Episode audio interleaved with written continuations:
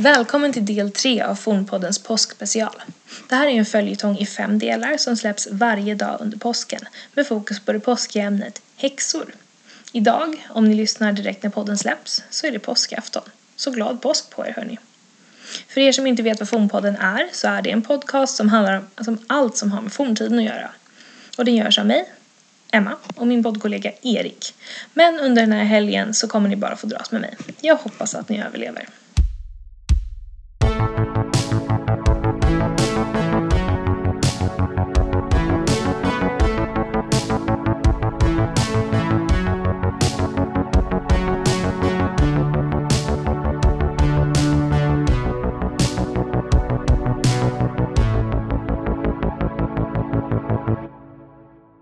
Innan jag sätter igång den här delen så vill jag passa på att berätta om min inspiration till den här följetongen.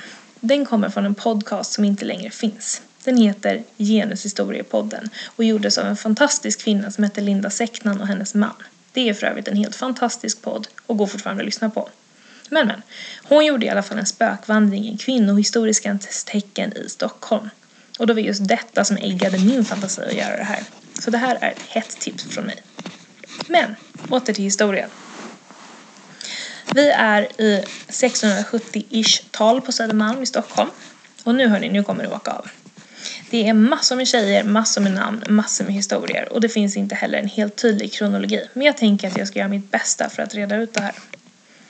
De första tre kvinnorna som pekas ut som häxor i Stockholm är Britta Sippel, Anna Sippelbråk och Anna Månsdotter.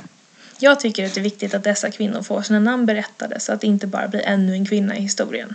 Så nu kör vi. Britta bodde under den här tiden på Kärhovsgatan och hade faktiskt redan ett år tidigare pekats ut som häxa. Men nu var det allvar, för nu hade hon pekats ut av sina egna barn. Brittas syster Anna pekas även hon ut som häxa. Hon sägs bland annat ha startat en brand på en båt på Skeppsholmen. Och Anna bodde på Kocksgatan. Sedan har vi den andra Anna, Månsdotter.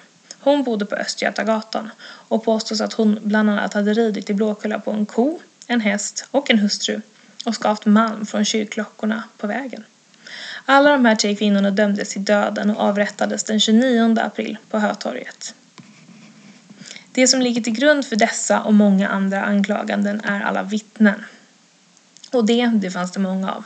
Gävlepojken med det käcka namnet, har jag ju nämnt innan. Han huserade nu för tiden i Hökarboden på Åsagatan.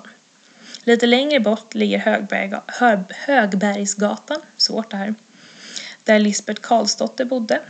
Hon var både ett vittne till många av förekomsterna men hon var också även ansvarig för att ta hand om de yngre barnen i de här vaktstugorna.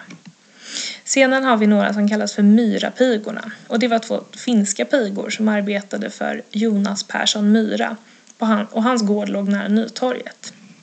Till sist ska jag nämna Maria Nilsdotter och tyvärr tar vittnena inte slut där utan det finns massor mer. Unga tjejer och killar som ofta berättar samma saker och skyller på varandra. Och imorgon, då är det påskdagen och då kommer vi prata mer om de fler anklagade häxor och vilka mötesplatser som häxorna hade. Vi hörs imorgon. Innan vi avslutar ska jag förstås passa på att tacka vår tekniker och klippare Tobbe för sitt otroliga jobb med podden och även Erik kan få sig ett litet påsktack.